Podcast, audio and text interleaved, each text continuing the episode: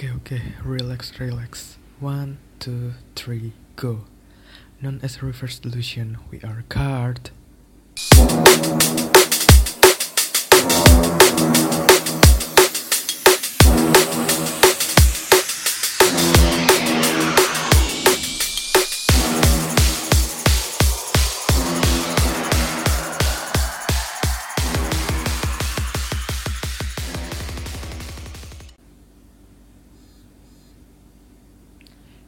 Welcome to Card Radio, the all new radio and podcast that we call Radio Pod.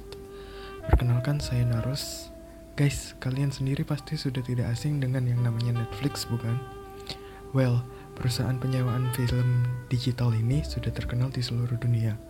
Walaupun mungkin di Indonesia sendiri masih ada beberapa kendala untuk beberapa provider ketika kita mau menonton langsung via Netflix di mana kita harus mengoneksikannya terlebih dahulu via VPN. Tapi hal tersebut tidak menutup antusias pasar di Indonesia, di mana masyarakatnya tetap tertarik untuk berlangganan Netflix ini. Nah guys, kali ini Radio Pod bakal membahas salah satu series Netflix di mana pembicaranya kita import langsung nih dari Jerman. Kali ini Linda akan ditemani oleh GG teman kita yang merupakan mahasiswa Bremen yang sedang melakukan offline semester di Indonesia. Kira-kira gimana ya keseruan mereka? Yuk, kita langsung dengarkan saja perbincangan mereka. Let's check it out. Oke, uh, di kesempatan kali ini kan lagi bahas serial yang sebenarnya lagi ditunggu-tunggu banget karena ini tuh bakal jadi season finale yaitu atau season tiganya dan jadi season terakhirnya. Nah uh, sebelumnya kalau kalau dari aku sih uh, tahu Dark itu dari awal sebenarnya aku salah satu penonton awal Dark yang waktu itu uh, Netflix lagi hype banget beberapa minggu sebelumnya karena ada rilis Stranger Things season 1 atau season 2 gitu. Nah, jadi pas waktu itu 1 Desember, aku ingat banget 1 Desember 2017, uh, Netflix kayak ngerilis satu, satu series yang menurutku pas baca sinopsisnya unik. Gitu. Seorang anak yang hilang, tapi ada bahas time travel. Jadi waktu itu masih nyoba-nyoba langganan Netflix langsung ditonton dan ternyata walaupun bingung tetap aku tetap aku tonton sampai terakhir ya walaupun nggak ngerti gitu sebenarnya mah. Kalau GG sendiri gimana? Kalau tahu Dark itu tahu serial TV Dark itu dari mana sih? Tahunya waktu aku lagi di Bremen itu di apa ya, di city centernya itu mereka kayak masang banner dark. Dan aku kiranya itu bukan bukan series Jerman terus kelihatannya judulnya udah dark gitu ya. Terus aku paling benci film horor.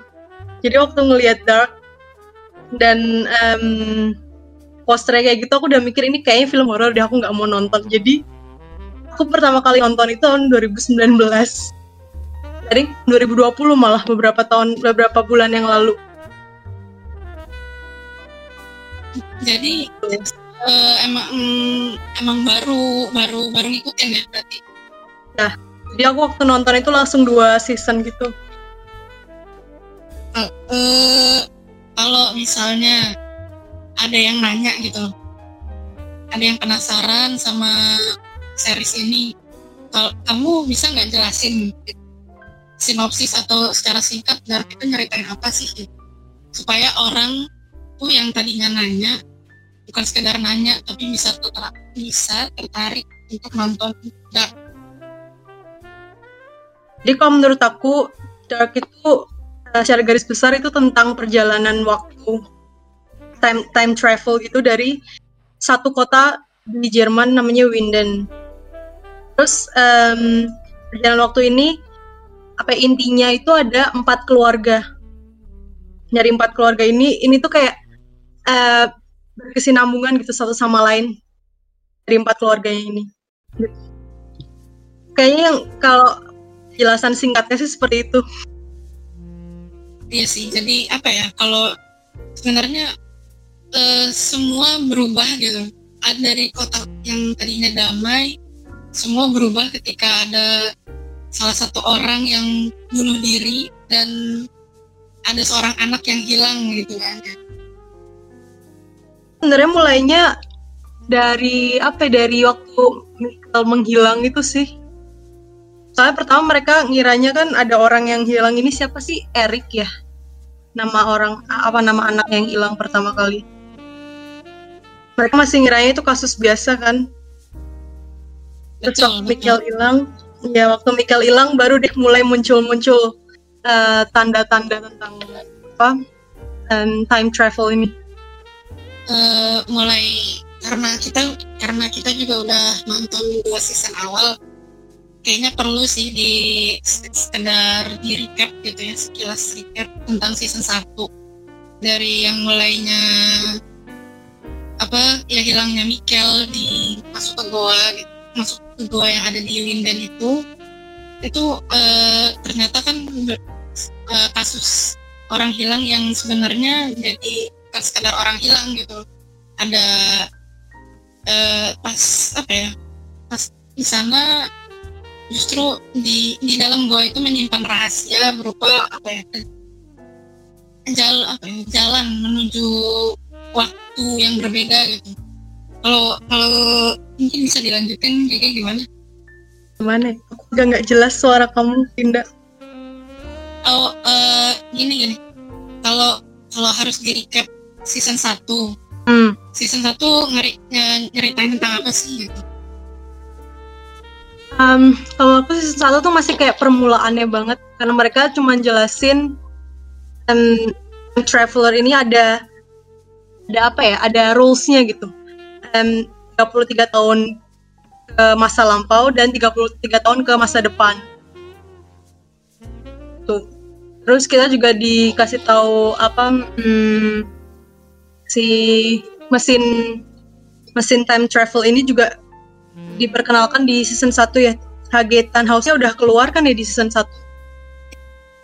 Iya udah keluar di situ, di kan apa ya kayak mulai ada momen-momen di mana dia ketemu banyak orang ya di situ dari dari Ulrich dari terus ada ketemu Claudia terus ketemu eh, Jonas di masa depan atau Stranger Jonas nah terus kalau season 2 justru eh, kita eh sorry pas season 1 kita udah dikasih banyak pertanyaan ini siapa ini siapa terus pas mulai season 2 jujur makin bingung gitu loh kalau kamu Mulai gimana? jelas sih.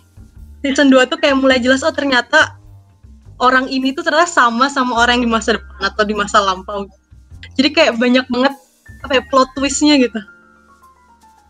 Iya betul. Kalau kalau dibilang banyak plot twist ya betul. Yang paling saya membingungkan ini karena karakternya banyak sih.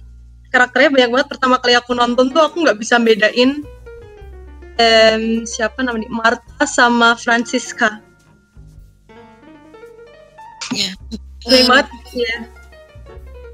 dari udah gitu ya sebenarnya kita juga kayak apa ya semakin digiring juga eh, untuk memunculkan banyak pertanyaan gitu. Kayak ini ya Yonas eh, apa Noah sempat mention Adam Adam ini siapa gitu. Walaupun akhirnya ada yang terjawab eh, di akhir season 2 tuh ada yang terjawab ada yang enggak gitu kan. Mungkin karena akan disimpan buat season selanjutnya gitu kan.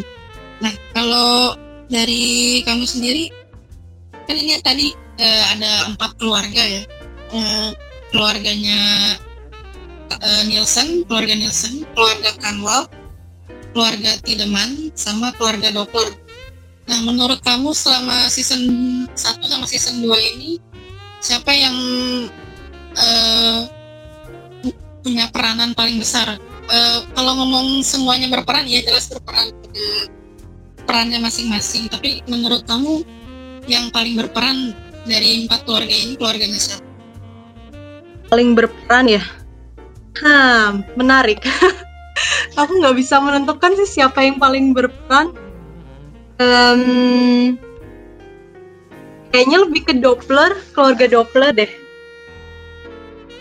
kalian mau nggak mau yang menciptakan si si em, apa sih alat time traveling ini juga dari kakeknya Charlotte Doppler kan ya Iya, yang kakeknya Dan- yang dan- itu ya.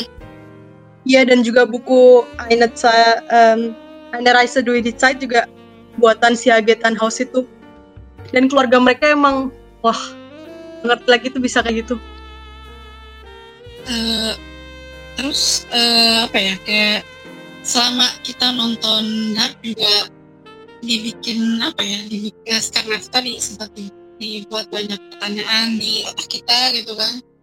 Ada momen-momen di mana kita bikin pusing. Salah satunya ya itu tadi sih pas kalau nonton pertama itu agak susah ngebedain karakter yang di masa depan masa lampau sama masa sekarangnya. Eh, atau ya kadang malah eh, karakter beberapa karakter di masa kini juga yang masa sekarangnya juga masih ada agak ngebingungin gitu kan. Kalau kamu gimana Gi? Aku tuh yang paling bikin bingung itu menentukan mana karakter yang antagonis, mana yang protagonis gitu. Soalnya kita dari segi penikmat tuh kita nggak tahu.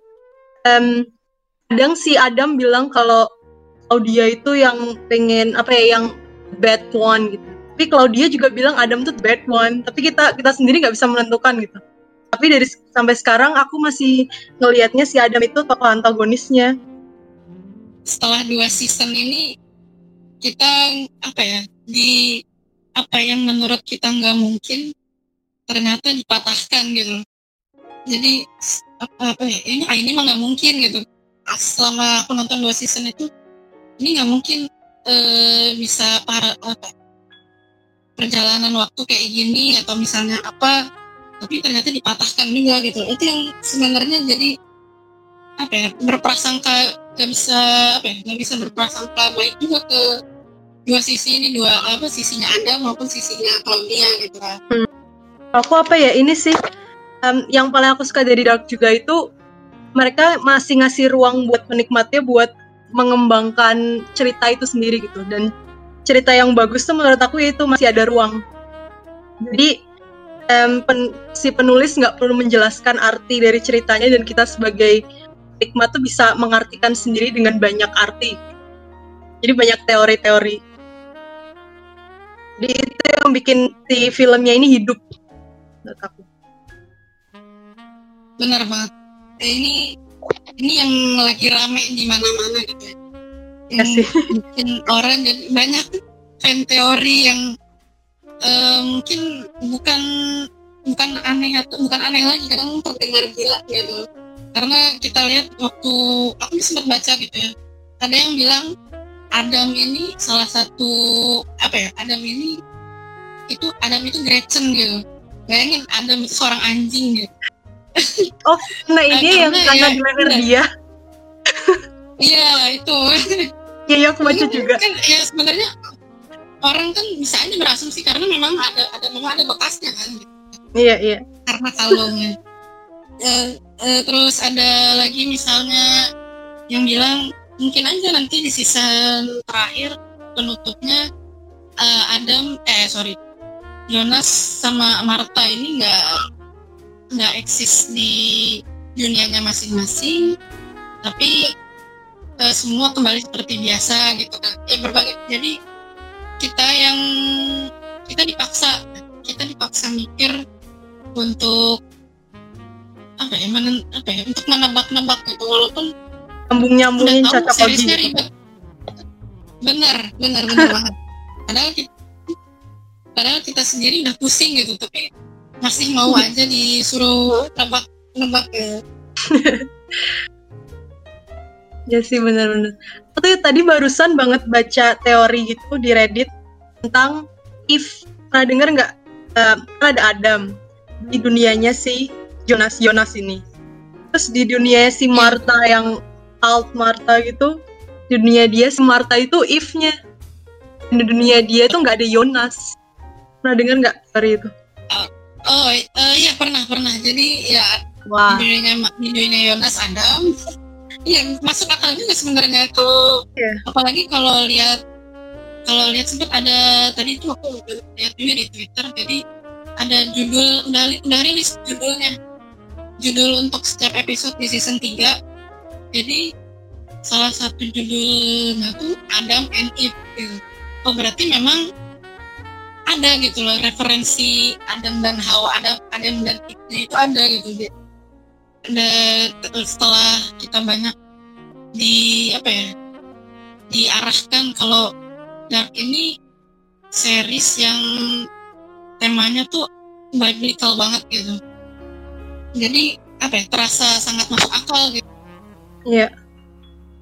Iya sih aku mikir juga Adam Adam sama Eve itu kan manusia pertama yang diciptakan Tuhan gitu ya di agama-agama agama-agama apa Iya, iya, Abraham. betul.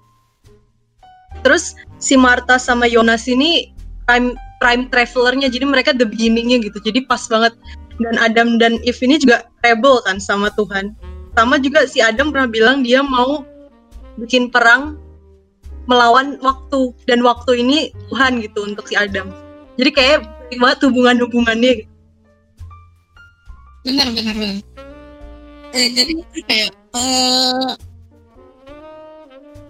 apa ya kalau di di Rono apa ya di disusun lagi masuk akal gitu walaupun kita nggak tahu juga ya karena ya itu balik lagi yang aku bilang se, apalagi sempat di wawancara si Lois Sopanya yang berperan jadi Yonas kan bilang ini endingnya season 3 tuh udah udah masuk akal gitu setelah diputar ke mana-mana segala macem ternyata eh, endingnya tuh oke gitu jadi Ini masuk akal. apa ya iya Wow, oke. Penasaran. penasaran kan makanya Dan yang paling bikin nakutin tuh mereka bilang apokalipsnya tanggal 27 Juni 2020 itu enam hari lagi. Mohon maaf nih. Terus Iya. sekarang suasananya jadi kayak lagi kayak gini nih tahun 2020 pas banget gitu mereka free marketing aja. iya benar Eh, setelah ini apa ya banyak kebetulannya juga ya se- selain itu gitu ya kita eh, sempat aku sempat baca di Twitter gitu. Eh Triketra tahunnya kan ada 1953 1986 sama 2019 nah tahun-tahun itu tuh tahun-tahun di mana ada bencana nuklir. Bayangin tahun 1953 itu ada bencana nuklir Northvolt nah di tahun 2000 eh tahun 1986 itu ada Chernobyl ya. Kita tahu udah tahu Chernobyl nah eh, waktu itu- terus yang 2019 apa gitu di Rusia juga. Jadi wow kebetulan yang ya itu tadi yang kamu bilang free marketingnya sangat-sangat apa ya legit gitu Iya sih. Dan angka 33 a- angka 33 itu bukan bukan angka yang mereka apa ya, mereka sengaja masukin gitu, tapi itu ada ada banyak apa ya namanya? banyak hubungannya Ya, gitu makanya. kayak Oh, itu si Hag- Hagetan House pernah jelasin cuman aku lupa. Ada 33 em, ada perang melawan iblis sama malaikat ada 33 apa gitu. Jadi semuanya 33. oh iya iya iya betul, betul. bagian itu. Iya iya. Eh kalau ngomong soal angka 33 aja ini baik banget. Dari yang 33 kalau digabung membentuk angka 8. Kalau angka 8 kalau diputar kan jadi lom apa ya simbol infinity. Infinity. Ah iya juga ya. Terus eh, ini aku baca juga 33 itu kode telepon Prancis. Tahu nggak Hah? kenapa? Kode telepon Prancis. Tiga. Iya. Jadi waktu awal kan kita sempat dikasih tahu ya. bahwa- Jonas yang dibilang dia lagi di Prancis ya. Iya betul. Oh my god. itu dari situ wah. Sangat terencana banget ya. Terus aku juga barusan join em, Discord-nya Dark gitu kan dari Reddit. Terus mereka bilang em, pas di akhir-akhir kan kita lihat si Adam eh, nembak siapa? Marta ya?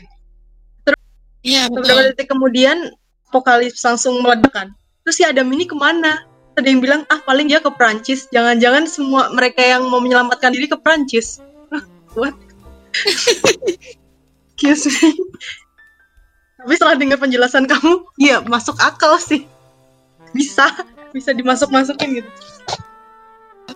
Terus apa ya, apalagi ya? Kalau ngomong ini eh, kita sambil ini aja ya, sambil langsung ke karena mumpung bahas yang 33 tadi rasanya kalau sambil membahas eh, momen yang bikin kaget selama kita nonton juga masih bisa relevan. Kalau kamu gimana gitu? Selama nonton gitu kan mungkin kamu juga udah rewatch gitu. Tapi ketika pertama kali ya atau atau mungkin setelah setelah rewatch juga masih ada yang bikin kamu kaget selama nonton dan tadi pertanyaan gimana yang selama nonton Dark kalau entah itu yang pertama kali atau entah itu yang rewatch uh, ada nggak sih momen-momen yang bikin kaget gitu Ah iya iya ada ada banget. Oh, pertama em, aku baru nyadar kalau si Helga tuh nggak pernah nggak pernah ditunjukin istrinya dia siapa gitu.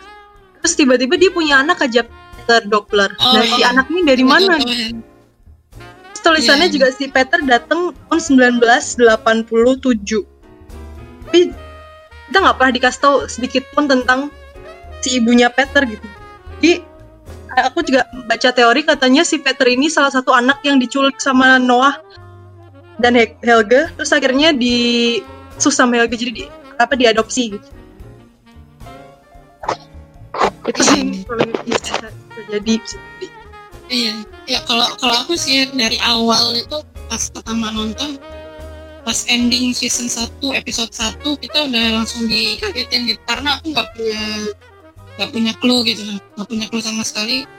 Tahu-tahu eh, Mikel ada di rumahnya sendiri tapi lihat koran eh, ber- beritanya tentang Chernobyl dan tanggalnya 1986 gitu nah kalau kalau Gigi sendiri sebenarnya udah rewatch berapa kali? Em, aku udah nonton dua kali di dua season ini dan barusan selesai tadi pagi yang episode terakhir jadi masih fresh banget Nah, eh, nah kalau kalau aku sih ya, eh, aku juga udah nonton dua kali, satu satu nonton pertama, satu rewatch. Nah itu banyak eh, apa ya, nemu hal-hal yang oh baru nyadar nih ketika nonton ya ketika rewatch gitu. Kalau kamu ada nggak? yang paling yang paling bikin males tuh si Hannah aku baru sadar kalau Hannah ternyata stay ya di tahun 1952 dan dia kayaknya ada something sama Egon Tiedemann Nah ini ini juga yang yang yang sempat keluar juga di trailer terakhir kan? iya Iya, itu sempat jadi kita ngeliat apa ya? Waktu di season di, eh, di season 2 episode 6 tuh ada eh, waktu itu Bartos, Magnus sama Marta kan lagi berenang ya. Waktu itu eh, Bartos nyeritain legenda wanita yang tenggelam. Ingat nggak? dan itu katanya bisa jadi Hannah Nah itu yang paling yang paling memungkinkan itu. Karena kan iya, kalungnya dia Eh, benar, benar. Jadi, nah dari situ kan kan apa Hana kan memang waktu itu kesan ke 1953 itu untuk eh, ketemu sama Ulrich kan. Tapi entah kenapa j- jadi pas ngeliat trailer itu ada something itu. Nah, eh, menurutku itulah eh, apa ya selingkuhannya Igon Tiedemann itu.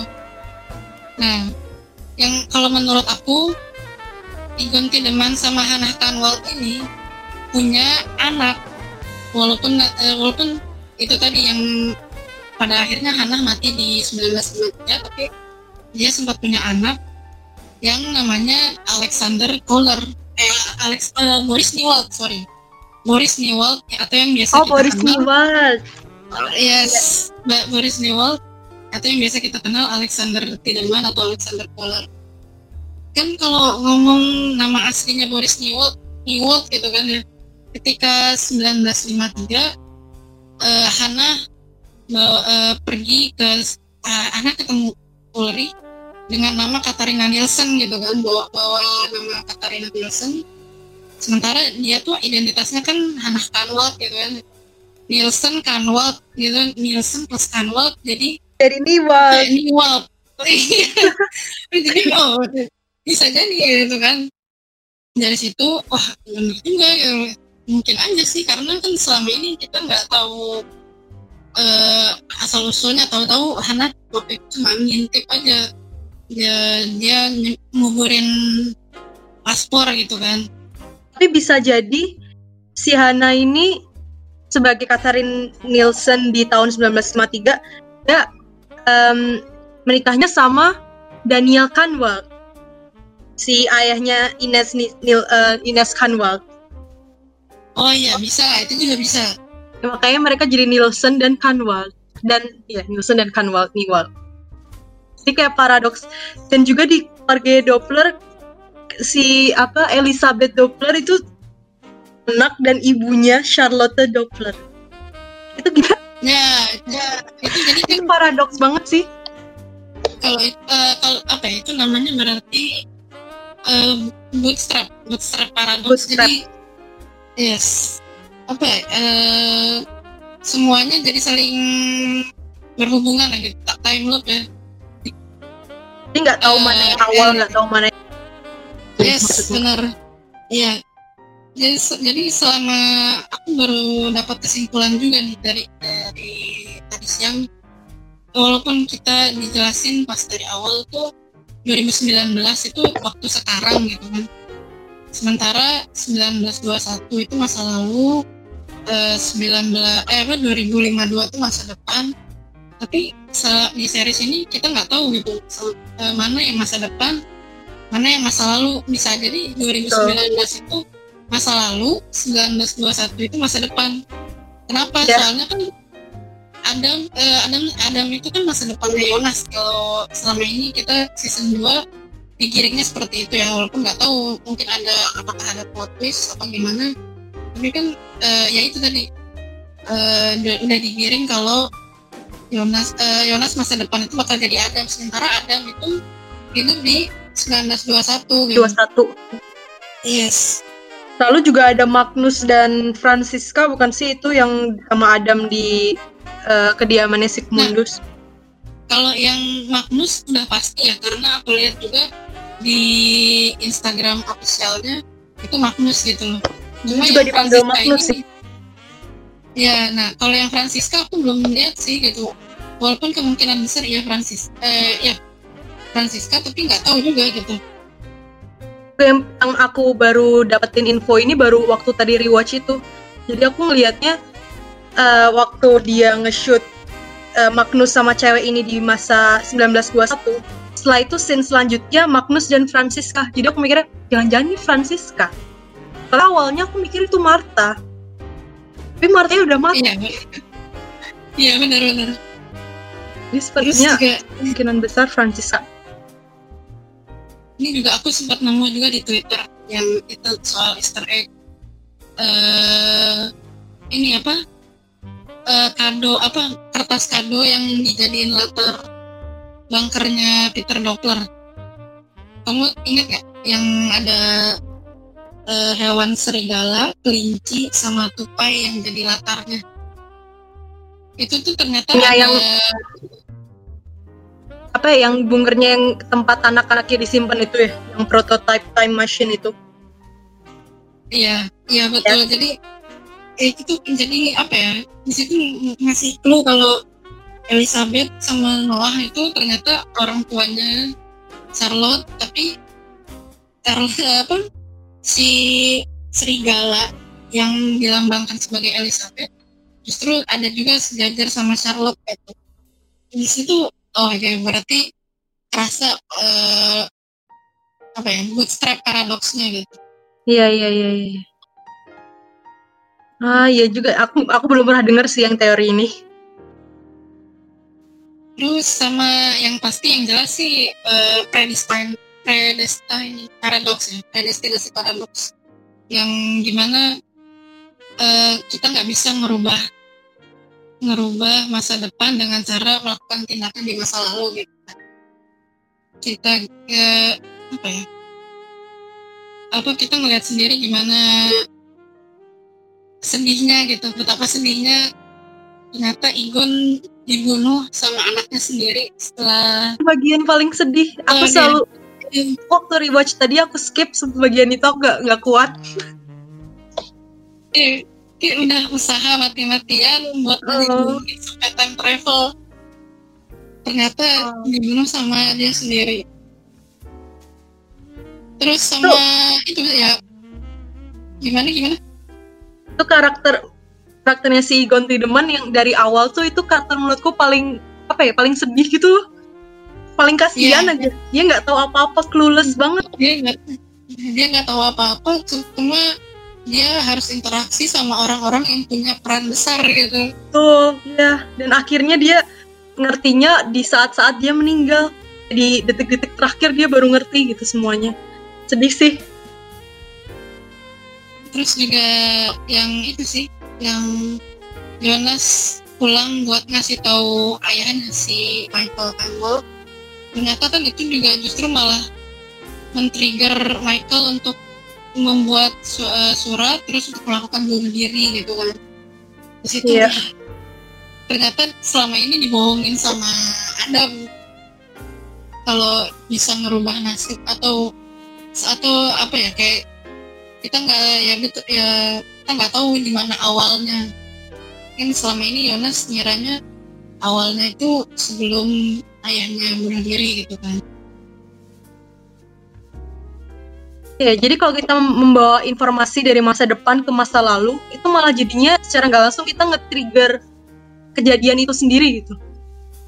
Iya. Kayak salah, salah, mau maju salah, mau mundur salah gitu. soalnya mau gimana pun masa depannya udah terjadi. Iya benar. Ya, dan dan si si bootstrap paradox sama Predestine paradox ini juga saling berhubungan gitu loh kayak ngeliat waktu Hagetan House bikin mesin waktu juga kan ternyata dia tahu udah berkat uh, Claudia dari masa depan datang ke dia untuk nyuruh bikin mesin waktu ditambah uh, bantuan HP-nya Ulrich di 1953 itu. Iya. Jadi aku tuh pertama mikirnya uh, eh, HP-nya Ulrich ini satu-satunya device yang nge-trigger uh, time machine ini. Aku mikir si Ulrich ini punya peran yang besar.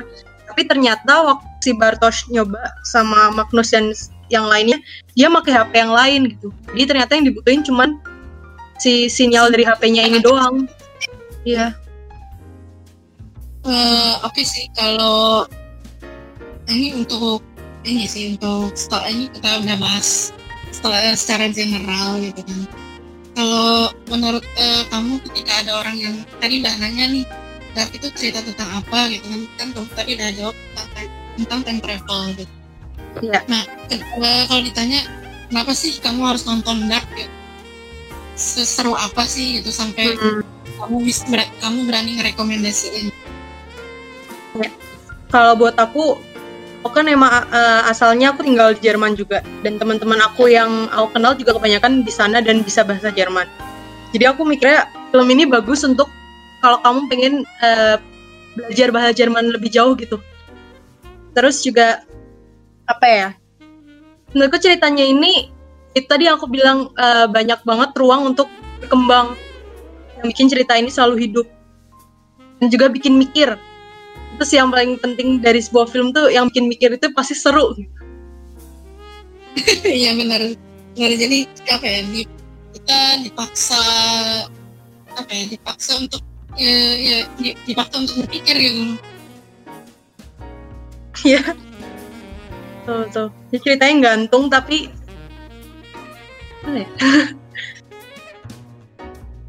kalau kan kita udah bahas segala keribetannya juga gitu kan. Segala kerumitan eh, entah itu dari pohon keluarga keteribatan paradoksnya. Nah kira-kira ada nggak sih cara untuk untuk apa ya untuk nonton? Kadang kan ada yang bisa ditonton sekaligus satu season selesai. Ada yang satu satu episode satu episode sambil lihat bocorannya cari di internet kalau kamu gimana Ge? Kalau aku, kalau um, dari aku sih nonton season pertama, nonton aja terus. Terus waktu mau mulai ke season kedua, lebih baik ngelihat si um, apain pohon keluarganya dari empat keluarga ini. Dari situ kalian lebih ada pemahaman ini siapa, yang dari masa depan siapa, baru lanjut ke season 2. Oke, oke. Aku juga sebenarnya sama sih kayak gitu, walaupun sempat agak bingung ya kan kok Iya. bisa apa? Eh, iya sih gitu sih, juga sama. Nah, kalau ini untuk bahas season 3 alias season finalenya nih, kan udah ada beberapa trailer yang dirilis di di entah itu di ya di semua platformnya di di Instagram officialnya, di YouTube, bahkan di Twitter juga ada yang ada banyak yang ngepost. Nah, Iya. punya nggak tebakan yang eh eh, atau istilahnya ya fan teori dari kamu sendiri eh, tentang season 3 itu bakal gimana?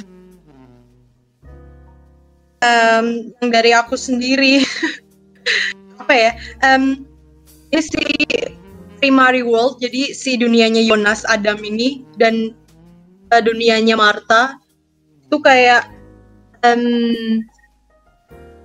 apa ya sama tapi tidak serupa gitu Iya sih. Jadi- iya bener. ya aku sih mikirnya gitu soalnya em, ak- trailernya tuh aku ngelihat si Helga yang yang luka itu matanya bukan si telinganya jadi kayaknya itu Ya, Helga betul. dari dunia lain dunia si Martha ini Ya, terus sama apa sih Waller polisi yang apa matanya bermasalah aku ngeliat di trailer yang mana gitu dia udah sembuh gitu di apakah itu di apakah entah itu di udah masih di dunianya Jonas apakah itu di dunianya Martha aku nggak tahu juga sih. Terus juga kayak di apa ya sempat di trailer terakhir tuh kita dilihat dikasih lihat pas waktu ada nggak apa waktu scene di mana Michael menghilang itu nggak ada kelihatan bayangannya bukan bukan apa ya bukan bayangannya Magnus bukan bayangannya Francisca bukan bayangannya Jonas gitu justru yang kelihatan tuh kayak bayangannya teman Marta waktu di teater Ariadne itu loh Iya, Masih iya. ingat? Iya, nah Ingat. itu. Itu di situ. Oh, berarti ya benar sih. Sama tapi eh beda, sama tapi nggak persis sama gitu. sama tapi tidak serupa Oh, ya, ya, itu sama tapi tidak serupa. Eh itu ya, eh, paling itu aja sih. Untuk sekarang ya semoga sih harapannya ya sesuai dengan apa yang dibilang Louis Hoffman gitu ya. Karena kalau nggak masuk akal jadinya aneh juga. Kita udah diputar ke mana-mana tapi apa ya, tapi endingnya mengecewakan serba salah juga gitu. Endingnya endingnya tuh nggak akan mengecewakan sih mau gimana pun soalnya dari awal kita sendiri udah menghidupkan ceritanya sendiri gitu. Iya, iya sih, iya sih. Cuma eh kalau aduh agak ya mungkin ya semoga sih gitu ya apa bisa memuaskan semua penontonnya gitu. Iya. Mungkin mungkin eh, udah eh, sekian dari bahasan kali ini. Ya semoga yang mendengar juga bisa tertarik eh, untuk nonton Dark itu walaupun mungkin agak telat juga ya. Mending ini judulnya dikasih spoiler alert gitu deh kita banyak banget ngomongin spoiler Bener-bener bisa ya jadi. semuanya Ya, spoiler eh, Oke deh kalau gitu eh, eh, saya eh, aku Linda eh, pamit undur diri. Eh, Oke, pamit nih. Dan saya GG. Em, semoga yang mendengarkan tertarik untuk menonton Dark. Dan bisa juga join di card em, Discord dan Instagram. Siapa tahu kalian punya teori-teori baru yang butuh kita dengarkan dan mungkin bisa- kita diskusikan lagi. Betul banget. Oke, sekian dari kita. Bye-bye.